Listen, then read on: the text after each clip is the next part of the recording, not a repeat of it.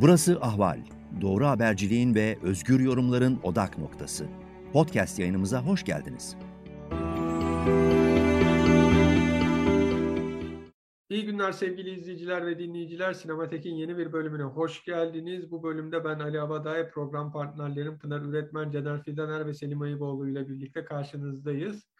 Bu bölümde işleyeceğimiz film Tik Tik Boom. Netflix'te yayınlanan Amerikalı müzisyen ya da e, müzikal yazarı Jonathan Larson'ın hayatının anlatıldığı, başrolünde Andrew Garfield'ın rol aldığı, yönetmenliğini Lin-Manuel Miranda'nın yaptığı film Altın Küre'de en iyi film yönetmen erkek oyuncu dallarında Altın Küre en iyi komedi müzikal film dalında aday oldu. Komedi müzikal en iyi erkek oyuncu Altın Küre ödülünü ise Andrew Garfield bu filmde kazandı ki sosyal medyada pek çok kişi filmi izledikten sonra Garfield'ın e, şarkı söyleyebilme yeteneği olduğunu fark ettiklerini belirtiyor. Ben oyuncular ve yönetmen hakkında e, Caner'e söz vermeden önce kısa bir açıklama yapmak istiyorum. Jonathan Larson'ın hayatını nasıl kaybettiği ile ilgili. Zaten filmin başında da e, erken yaşta vefat ettiği söyleniyor ama e, bir spoilerlı bir programda yapacağımız için bunu da burada belirteyim. Kendisi e, Broadway dışında e, Broadway dışında yapılacak e, müzikali Rent'in e, çekimlerine bir hafta kala oldukça heyecanlı ve bu sıralarda kalp e, kalbinde bir sıkışma, nefes darlığı, göğsünde ağrı gibi çeşitli e, sebeplerden hastanelere gidiyor. İki ayrı hastaneye gidiyor ve ikisinde de doktorlar bir şey bulamıyorlar. Elektrokardiyografi çekiyorlar, röntgen çekiyorlar ve sonunda diyorlar ki stres veya işte mevsim gribi nedeniyle böyle bir sebeptesin. Fakat bir hafta sonra tam gösterimden bir gün önce kendisi evde ölü olarak bulunuyor. Sonrasında yapılan New York eyaletinde e, sağlık hizmetleri bununla ilgili bir araştırma yapılınca kendisiyle ilgili olarak e, belirlenememiş bir mafran sendromu olabileceği bu sebeple de aort yırtılmasıyla öldüğü fakat kendi bu semptomlarıyla hastaneye gittiğinde doktorların bunu saptayabilmesi durumunda hayatını devam ettireceği kararına varıyorlar. Ee, yani biraz da bu oyununda özellikle filmi adını veren Tik Tik Boom'da anlattığı gibi veya bazı sahnelerde olduğu gibi çok hızlı yaşayan ve hayatında hızlı sona erebileceğini hisseden bir karaktermiş. Gerçekten üzüntü verici ama çok güzel ve hani o melodramik yapıyı çok aşağıda tutan hoş bir film yapmışlar. Caner sözü sana bırakıyorum oyuncular ve yönetmen konusunda. Sağ olasın. Evet filmin adı Tik Tik Boom yani bir e, saatli bombanın işte e, seslerini bize hatırlatan bir isim. İlginç bir film ismi. E, Türkçe'de çevirmesi zor değil mi? Tıkır tıkır bom falan gibi bir şey olabilir. E, ve Jonathan Larson'un hayatının sonunu adeta ima eden bir film ismi olmuş. Hani bu aorta nevrizması için zaten öyle denir. Bir saatli bomba var içinde her an patlayabilir falan diye. E, fakat en azından bir takım eserler bırakmış sonuçta. Film içinde de böyle işte 30'una kadar neler yapmalıyım falan gibi bir e, çatışma vardı. 2021 tarihli bir film.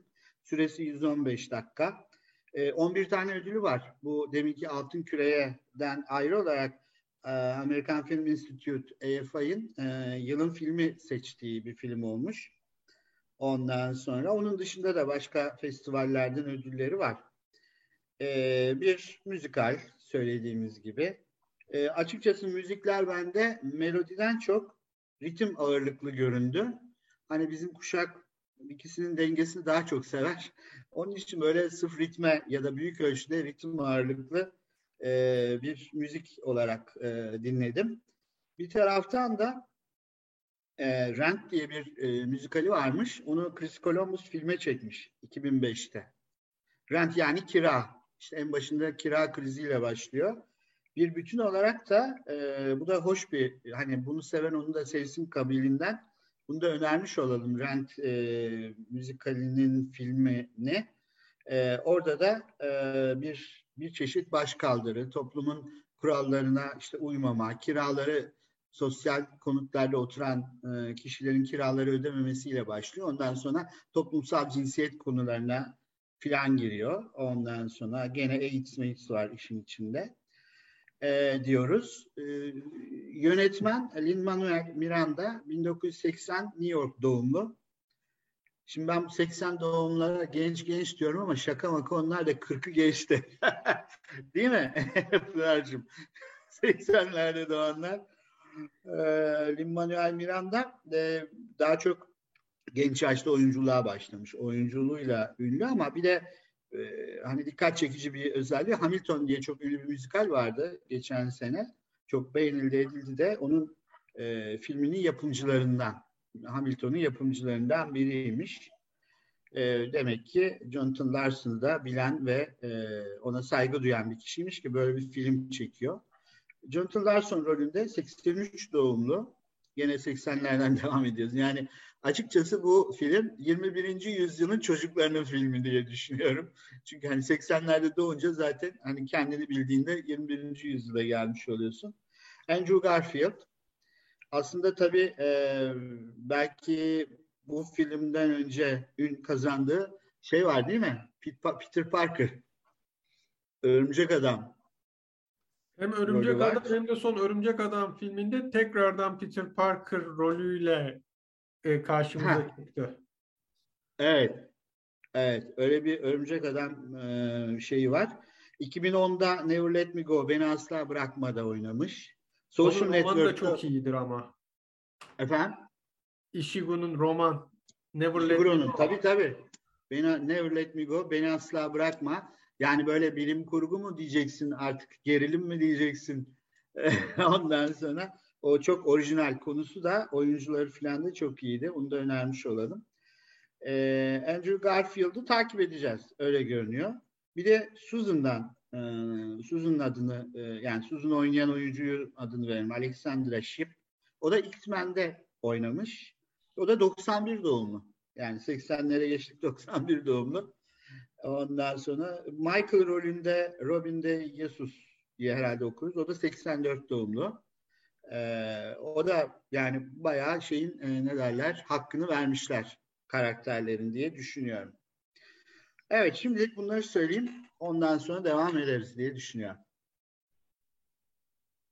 Peki ben iki şey ekleyeceğim. Birincisi e, Miranda yönetmenin Larson'a çok büyük saygısı olduğu gibi bu Hamilton müzikalinde de kendisine ait bazı sözleri söylüyor. Çünkü Larson'un en büyük özelliği müzikal anlayışını değiştirmesi Broadway'deki.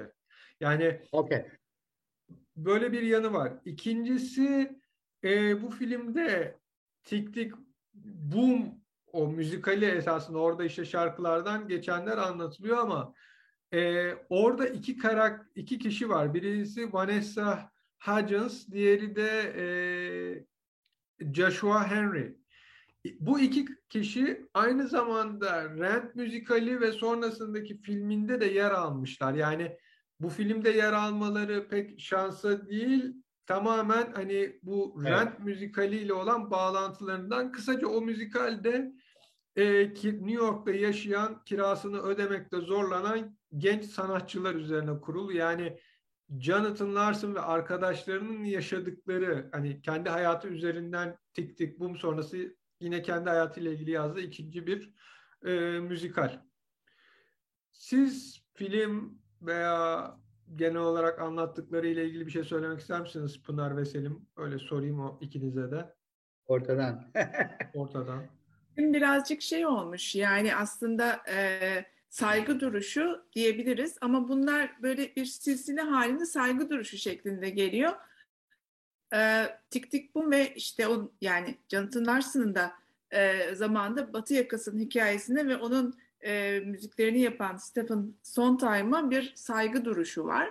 Evet. E, yaptığı eserlerde böyle bir yol çizmiş. Onu zaten idolü olarak belirlemiş. Bu filmde de çok net olarak görüyoruz. E, Batı yakasının hikayesi tabii onun için çok önemli. Oraya mutlaka giriyor çıkıyor.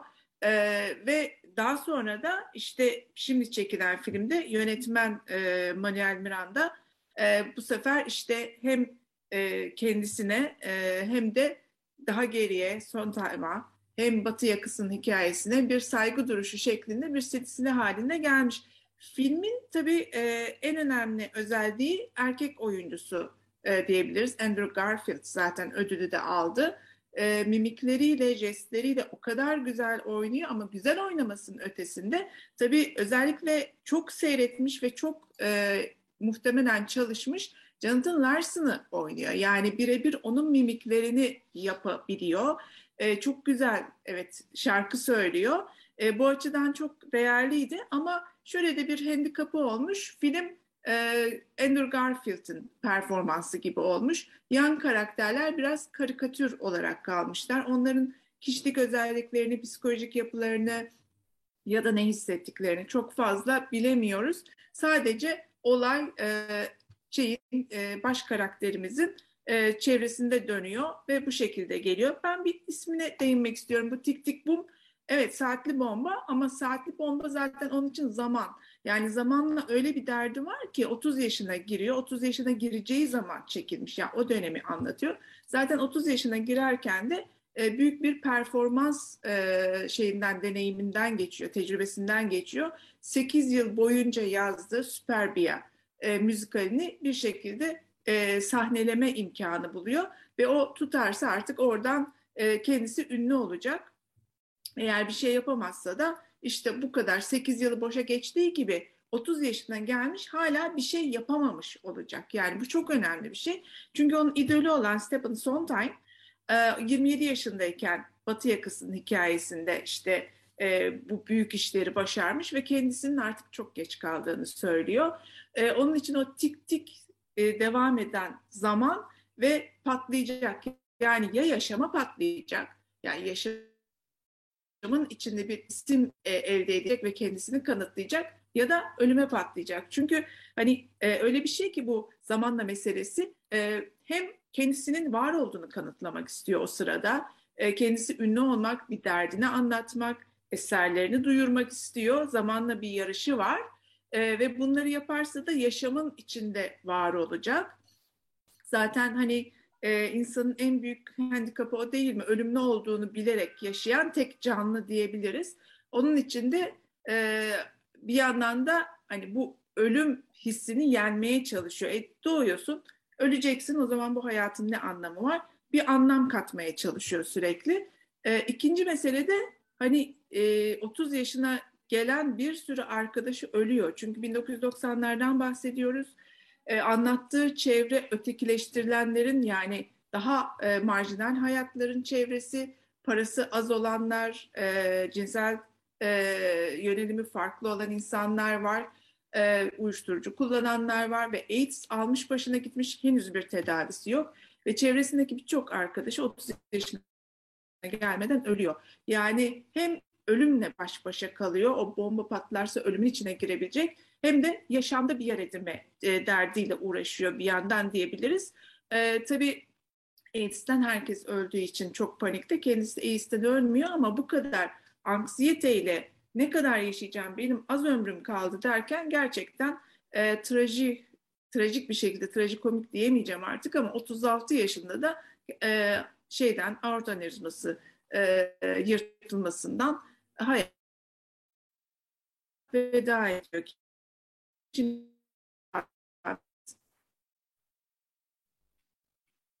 Kesinlikle galiba. Ben Selim'e soracağım. Sen peki film, filmin müzikal türü üzerine bir şeyler söylemek ister misin diye?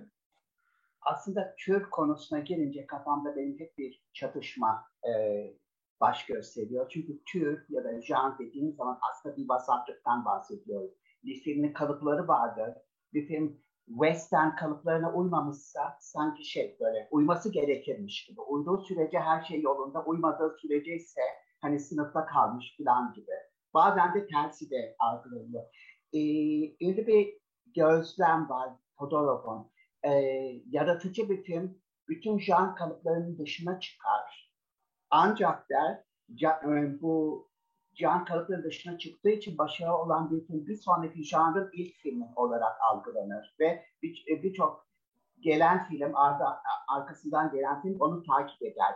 Yani, e, jan böyle bir şey aslında yani bir yerde e, ve şey bir filmin kalıplarından hakikaten böyle çıkmasını bekliyoruz. Onu kalıpların içinde düşündüğümüz zaman vasat bir film olduğunu bir şekilde ima ediyoruz. Bu filmde e, şimdi her şeyden önce müzikal mi?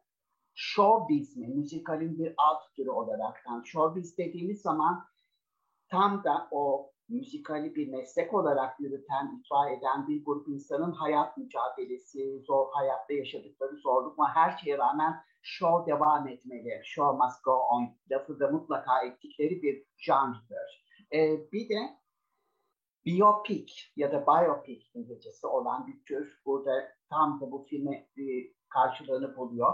Yani biyografik de, e, film, e, onun hayatını anlatan, daha çok sanki biyografik gibi burada. Çünkü sadece showbiz değil, bütün hayatını ve hayatıyla ilgili yaşadığı zorlukları filan e, anlatıyor. Yalnız şöyle bir ilginçlik var. Müzisyenin hayatıyla ilgili bu biyopiklere baktığımız zaman çok ilginç bir durum var. E, müzik dehasının sinemada anlatılış şekli e, çok ilginç. Çünkü müzik mantıksal bir şekilde, müzik dehası mantıksal bir şekilde herhangi bir buluşun yapılması, herhangi bir edebiyat yapıtının yazılması gibi anlatılıyor. Müzik öyle bir şey ki sanki süblim yani böyle duyguları hitap eden, temsil edilemeyen bir şeymiş gibi müziksel deha. Söz gelime e, bu 1945 yaş, e, yılların yılında e, Cornel Wilde'ın oynadığı Chopin'in hayatına ilişkin bir film var. E, e, şey, Şimdi filmde e, siyah beyaz klasik Hollywood dönemi e, Chopin beste yaptığı zaman birdenbire saçları böyle havaya kalkıyor. E, e, butonu veya piyano çalış şekli süperimpoze edilmiş bir şekilde e, konser turları Viyana, Budapeşte, Londra, Paris diye arkada şeyler, e, şehirler görüntüleri çıkıyor filan. Yani kısacası mantıksal bir şekilde anlatılamayacak, anlatılabilmekten çok öte bir dehanın orada işi olduğunu e, anlatılıyor. Müzik hep böyle Amadeus filminde böyle olsun, daha birçok filmlerde olsun. Müziksel deha söz gelimi Amadeus filminde şey hatırlıyor. Salieri çaktırmadan Amadeus'un şeylerine bakıyor, notalarına bakıyor. E, ilk defa bir çocuk olarak saraya geldikten sonra bir müzik yapıtından öbürüne, öbürüne, öbürüne geçiyor sürekli ve hani böyle sözlerle, akılla anlatılamayacak bir şey orada, bir yaratıcılık olduğunu anlıyoruz. E, şimdi bu filme gelince iş ilginçleşiyor. E, burada da bir müzikal deha var. Burada da aslında saçları hatta babası e, saçları ne kadar da böyle abuk bir saçları olduğunu söylüyor şey olaraktan.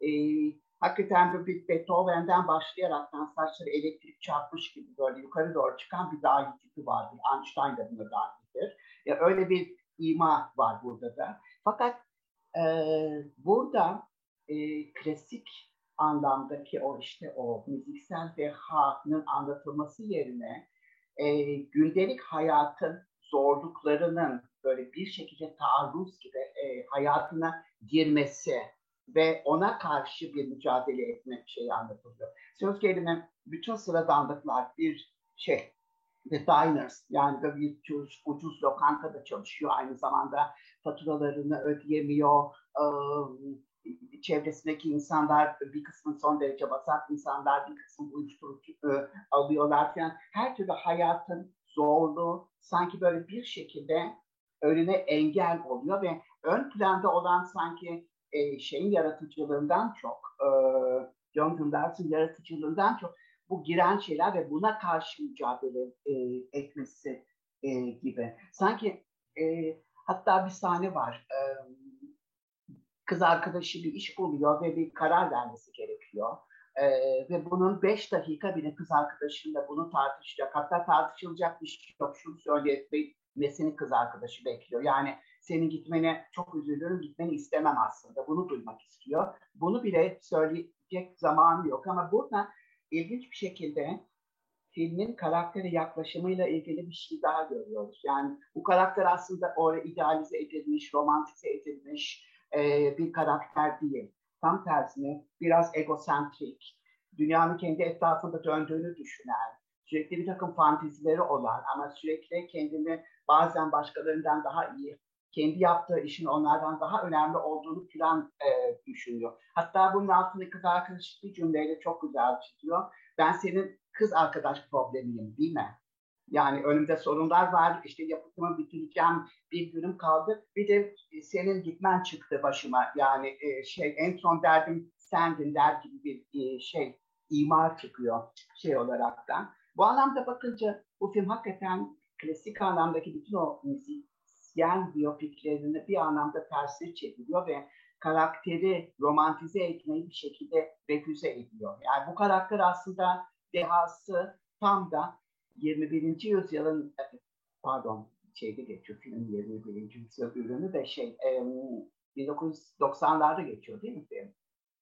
Evet. 90'lar filmin yılı. Ha. E, 1990'ların e, hayat tarzı ve onda mücadele etmek onun sıradanlığı ve de o anlamda bir şekilde e, bütün o biyopiki de çağdaşlaştırmış oluyor. Yani bir e, karakteri merkeze idealize edilmiş bir şekilde koymuyor ama tam tersine e, sıradan, çağdaş, modern bir insanın hani daha olabilmesinin zorluklarını, yapıtını yapmanı e, bir şekilde anlatıyor. O anlamda bana e, hem ilginç geldi hem de şey geldi. Yani e, bir anlamda klasik hani bu tarzın, bu janrın, bu türün, bu alt türlerin böyle dışına çıkabilmeyi başarabilmiş bir film olarak geldi.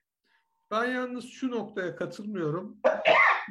29 yaşında 30'una basacak kız arkadaşı iş bulmuş. Hani onunla konuşmaya vakti yoktan ziyade şöyle bir şey vardır. Şimdi ben ona gitme diyeceğim ama zaten sıkıntılı bir hayattayım ve bu hayat böyle devam ederse başarısız olursam benim bir seçeneğim vardı. Senin yüzünden gitmedim denecek veya bu bu kadar basit erkeğe o özellikle o yaşlarda bu kadar basit söylenecek bir şey gelmez. Çok uzun bir tartışma konusu gibi gelir.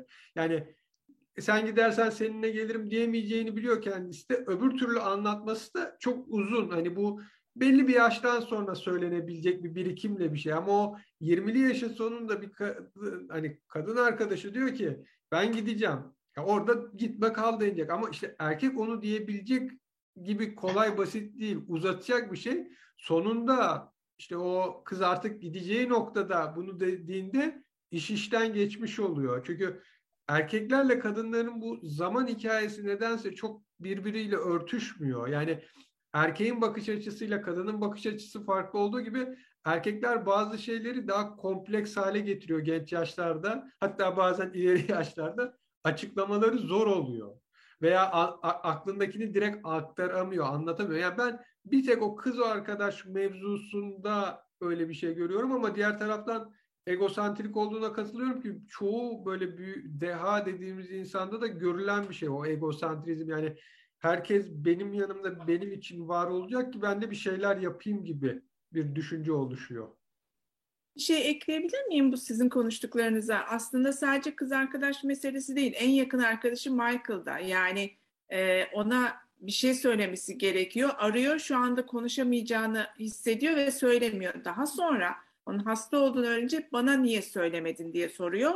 Ve cevabı da kendisi söylüyor. Denedin söyleyemedin değil mi diye. Çevresine ayıracak vakti yok. Daha doğrusu konsantrasyonu içine doğru. Yani bu filmde birazcık şey de tartışılmış sanki. Ee, yaratıcılık süreci bencil bir süreçtir. Yani insan içine dönmek zorundadır. Dış dünyayla bağlantısı bir şekilde kesilmek zorundadır. Yoksa yaratamazsın. Ama dünyada devam eder. Yani ilişkiler devam eder, para sorunu devam eder, işte e, insanların senden beklentisi devam eder falan. O yaratıcılık sürecindeki içe dönüş e, bencillik mi yoksa normal bir şey miydi? Sanki bize böyle önümüze objektif bir şekilde çok da taraf tutmadan koyuyor gibi. Evet yani hani adam e, orada çok büyük bir performans sergilemeye e, çalışıyor. Kız arkadaşı da geçim için bir yerde öğretmenlik yapacağım ve bir iş teklifi aldım diyor. Hani çok e, karar vermesi zor şeyler gerçekten. Evet kız arkadaşının bir de trajik geçmişi düşünülürse yani zamanında bir dansçıyken çok yetenekli bir dansçıyken bir kaza geçiriyor ve artık dans etme şansı yok bir yerde ve bu onun için ikinci bir çıkış belki de. İşte doktor Yani- olacakken dansı seçiyor. Evet, evet. Ee, ama yani yine de e, bu filmin yani çağdaşlığı bir anlamda onun işte tam da bir o bir tür egosunu çok yüksek oluşu. Mesela şeye bu o arkadaşı e, şey e, AIDS olan yani ona bir iş Michael. ayarlıyor. Hı.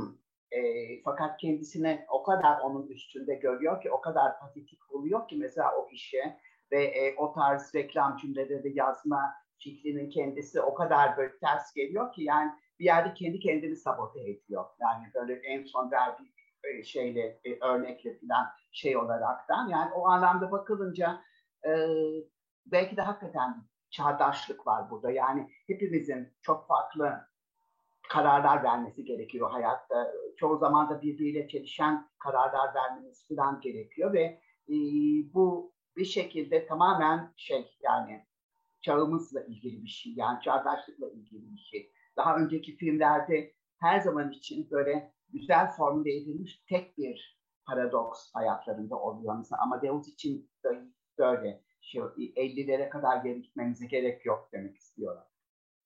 Peki Caner galiba bir şey söylemek istiyor. Ben sözü Caner'e Evet. vereyim. Ha evet. Ee, şimdi sıra bende herhalde. Ben şunu ekleyeceğim. Yani e, Selim şey dedi hani janra uyması uymaması üzerinden değerlendirdi ama bana e, bazı şeyler eklemek gerekli gibi geliyor buna. E, birincisi e, kişisel ve toplumsal düzen açısından bakar e, film büyük ölçüde kişisel çatışmalar üzerine dayanmış gibi görünüyor. Hani Pınar kişiler biraz zayıf kalmış filan dedi ama kişiler çatışmalar halinde ve onları yani o çatışmaların içinde var oluyorlar. Kendilerini o şekilde ifade ediyorlar. Hani geçmişlerini bilmiyoruz belki bazı görüşlerini bilmiyoruz filan. Ben bunu biraz Rent'in Rent filmine de benzettim. Orada da e, böyle bir anlatım e, yönü var. Yani sonuçta bir kişisel düzlem var. Fakat bir taraftan da bu kişisel düzleme şöyle bir toplumsal e, düzlem katabiliyoruz. E, büyük ölçüde bizim özellikle baş kahramanımız toplumla bir çatışma içinde. O temel çatışma da topluma uymalı mıyım? Yoksa ben ona karşı çıkabilir miyim? Ya da ne kadar karşı çıkabilirim? Bu aslında e, bir miktar klişelerle aşılmaya çalışılmış gibi geldi bana. Yani bu da filmin zayıf tarafı. Sonuçta bir başarı filmi olarak hani başarma filmi, Hollywood'un klasik işte bir bir iş yapmaya kalkar baş kahramanımız. Önce ufak güçlükler çıkar, işte onu aşar, onu aşar. Filmin tam ortasında bir şey olur, e, twist mi diyorduk, böyle bir şey tersine döner falan ya da önemli bir değişiklik. Arkasından gene e, çatışmalar olur. E, işte yok elektrik kesintisine kadar maşallah her şeyi gördük. Ama tabii ki finalde kahramanımız e, bir Süpermen, pardon yani örümcek adam olarak olayı şey e, bağlamış oldu. Nasıl? Kısa Nasıl? bir şey ekleyebilir miyim kısaca? Lütfen. Ee, ama mesela yine hani sonuçta janrı ne olup ne olmadığı filan ya da önemli mi önemli bir sorunu bir yana e, Ha. müzisyenlerin hayatıyla ilgili filmin hepsinde ölürler. Bir, en önemli bestelerini yaptı. Ondan sonra mutlu bir e, 30 yıl daha yaşadı diye biten bir müzikal e, hiç bilmiyorum mesela. Hakikaten. evet. Müzikal mi yoksa şey müzisyen hayatı mı? Müzisyen Müzisyen biyopik, biyopikleri. yok Hayatı- Ölmeden de biyopiği yapılması çok zor. O ayrı. Hayır. Yani atıyorum şimdi e, birisinin Mozart. hayatını anlatıyorsunuz ve o hakikaten o dehasıyla sanki böyle çıra gibi yanıyor. Onun dehası aslında onun aynı zamanda ömrüne karşı şey yapan, onun ömrünü kısaltan, hayatını işte bir takım krizler e, yaratan bir şey. Yani ne kadar dehaysa o kadar çabuk ölüyor hatta. Yani çok müzisyen, e, müz, e, biyopiklerin bir sanki böyle genel karakteristiği gibi gözüküyor bu. Birazcık evet, de bu var çok- herhalde.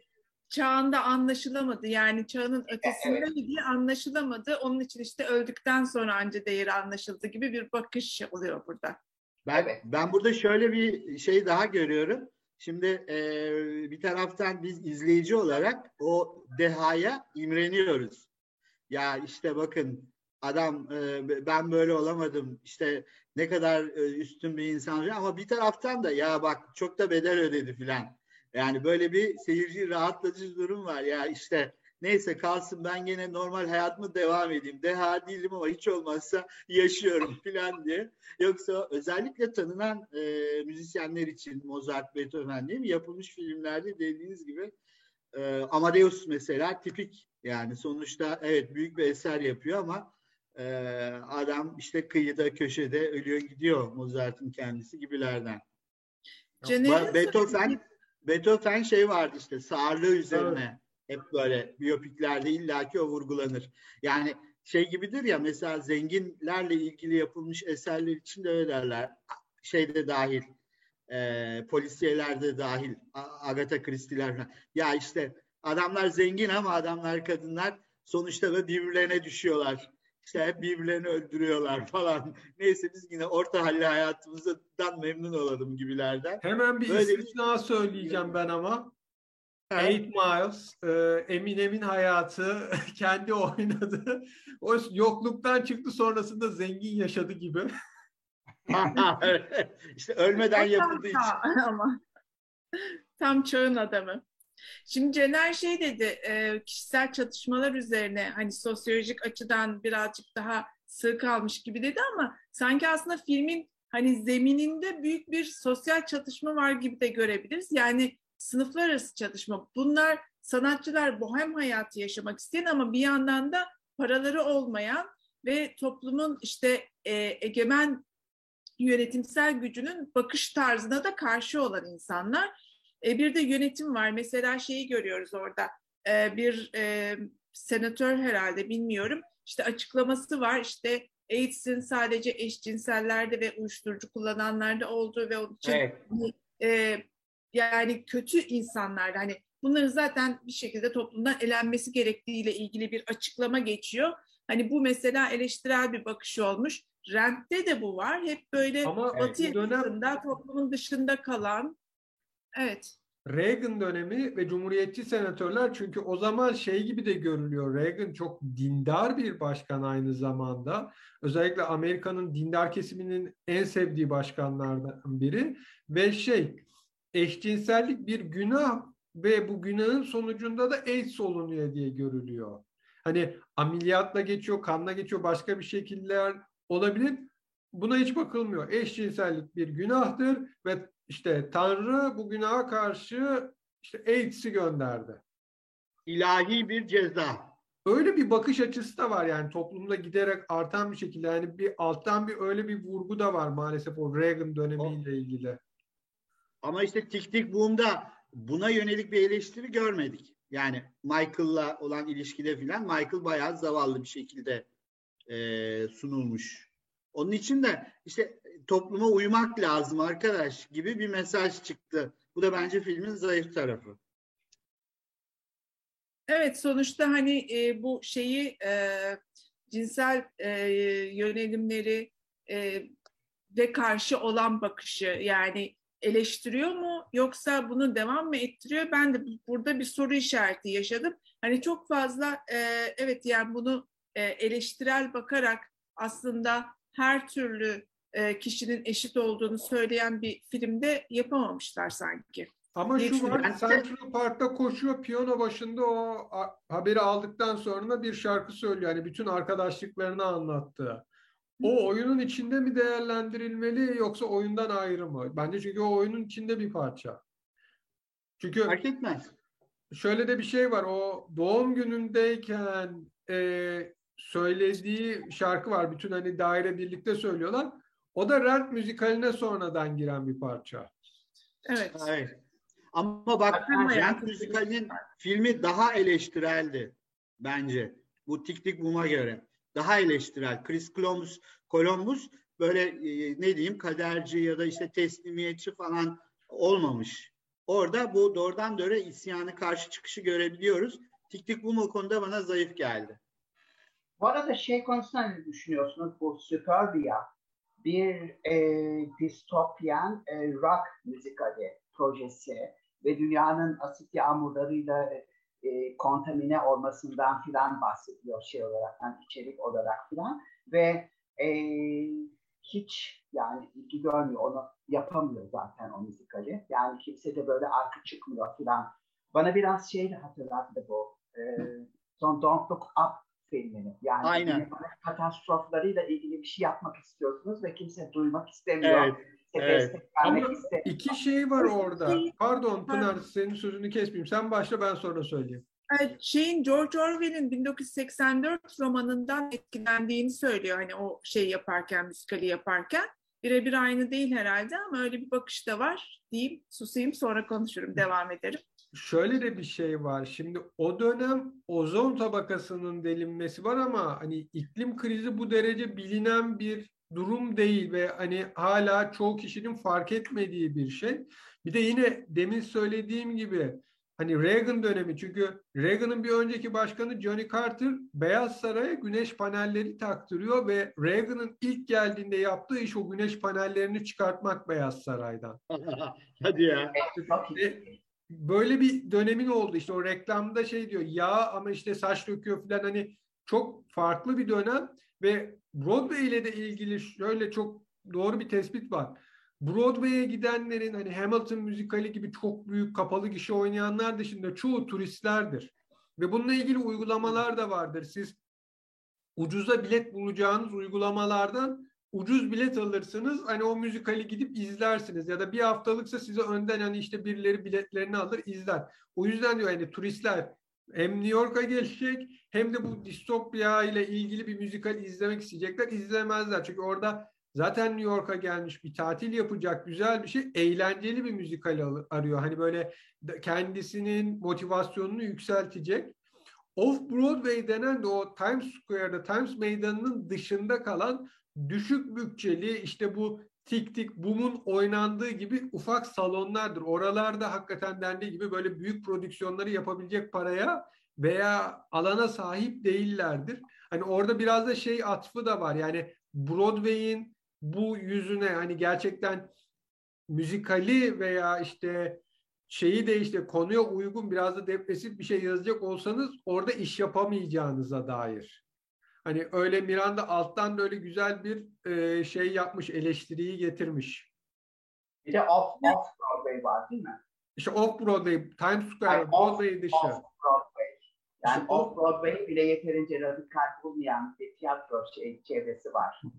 İki kere off yani arka arkaya Broadway. Orada daha çok şey gibi hani Broadway'in dışındaki yer al- arazi olarak öyle tanımlanıyor. Bir yandan da bu Superbia şeyinin e, müzikalinin yani filmde Tik Tik Boom'da parçaları geçiyor. Şarkılarını söylerken şeyi duyuyoruz işte e, sanki şu andaki dijital sosyal medyayı tarif eder gibi de bir hali var. İşte siz hepiniz televizyonlardasınız ve sürekli işte ekranlardan kendinizi seyrediyorsunuz. İşte ekranda olduğunuz kadar varsınız. Kendiniz işte ekranla var ediyorsunuz gibi falan bir şeyler söylüyor. Yani e, ve şey diye soruyorlar bu hani uzaylılarla mı ilgili diyorlar. Hayır sadece gelecek zamanda geçiyor. Bu bir distopya diye açıklama yapıyor.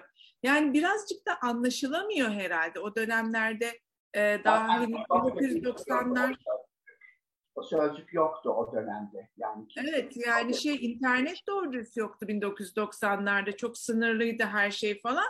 Hani çok anlaşılamayan bir şey olarak kalıyor herhalde. O, o yönden de ben biraz çağının ötesinde olduğunu düşündüm. Bu film sonrası 90'ları nasıl hatırlıyorsun Pınar? bu film sonrası yalnız o müzikali de izleye yani Broadway'de sahnelemeye başlayabilirler. Ya evet böyle bir şey vardı. Bugünün konularına da çok değiniyor. Bu adam da popüler oldu. En az iki dönem oynar bu. Bu müzikali çıkarsak mı diye düşünen bir yer olabilir gibi geliyor bana. Olur vallahi bir güzel revizyon yaparlar. Yani mutlaka bazı update gerekir. Bazı şeyleri güncellerler. Bir iki yeni şarkı eklenir falan. Bir iki de iyi şarkı söyleyen oyuncuyla bence güzel bir müzikal olur. Hatta üstüne filmi de olur. Gelirse tartışırız da yani. Yalnız o müzikalde beni şey çok etkiledi. Şimdi müzikali 8 yıl boyunca uğraşıyor üzerinde. E, onu sahneliyor. Bütün hayatı o. Ve diyorlar ki hani bu tamam güzel ama bu tutmaz. Sen başka bir şey yaz. Hani bunu Evet. de- bu dendiği anda insan ilk önce bir dibe iner. Yani hemen Evet. üzerine bir şey yazmak, bu azim apayrı bir şey. Ee, belki orada tabii e, Rosa'nın menajerinin söyleyiş tarzı etkiledi. Ya da işte o hep idolü diye gördüğü müzisyen e, Batı yakasının hikayesi, müziklerini yazan Stephen Sondheim'ın e, onu onore etmesi bir şekilde motive etti ama gene de hemen arkasından yeni bir şeye bir de bildiğim bir şey yaz diyor Rosa ve onun üzerine e, ilk önce renti yazıyor galiba değil mi? Ya da Evet. tip tip mu yazıyor?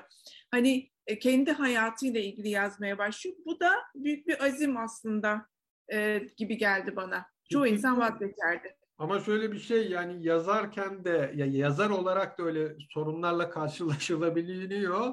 Kitabı yazıyorsunuz ya diyorlar ki yok bunu yayınlayamayacağız. Ee, başka bir kitap yaz. Yani siz ona 2-3 yıl vermişsiniz. Yayın evleri reddetmiş. Sonra başka bir kitap yaz deniyor. Hani olur da bir kitap yayın evinden kabul edilir, basılır, beğenilirse eski yapıda tekrardan bir bakış oluyor. Yoksa maalesef. Evet biraz böyle sanatçılık.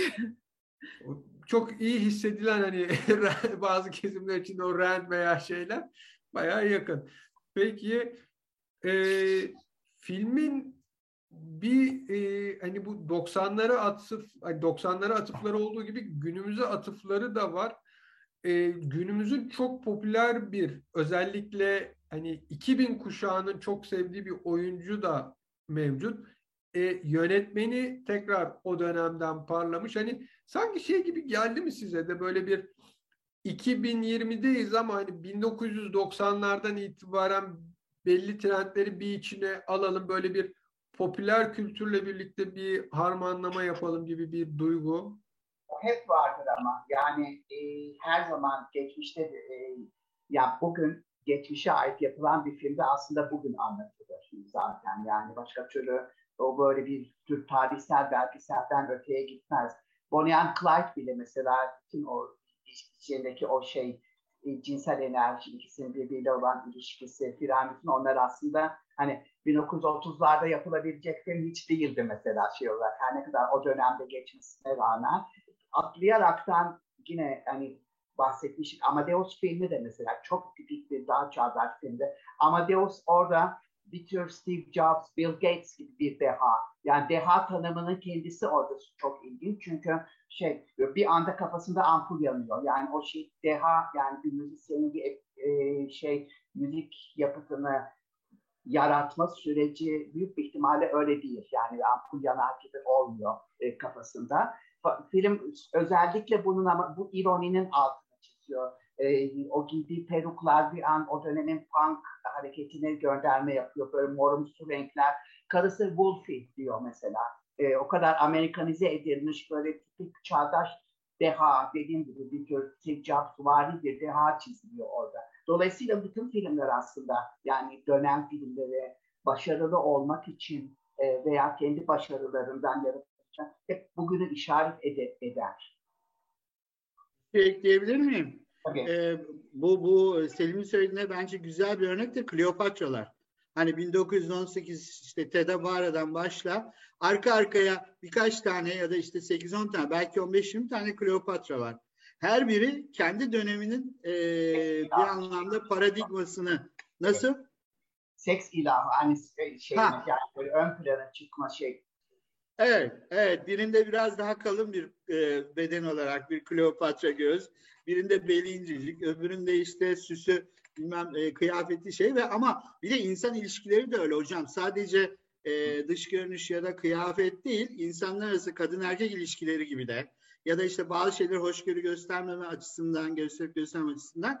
E, onun için de e, bu doğru yani. Aynı e, hatta mesela Kleopatraları hiç oyuncu bilme, yönetmen bilme ama hangi tarihte çekildiğini aşağı yukarı tahmin edebilirsin. Seyrettiğinde ha işte bu 40'larda çekilmiş, bu 70'lerde çekilmiş falan diye.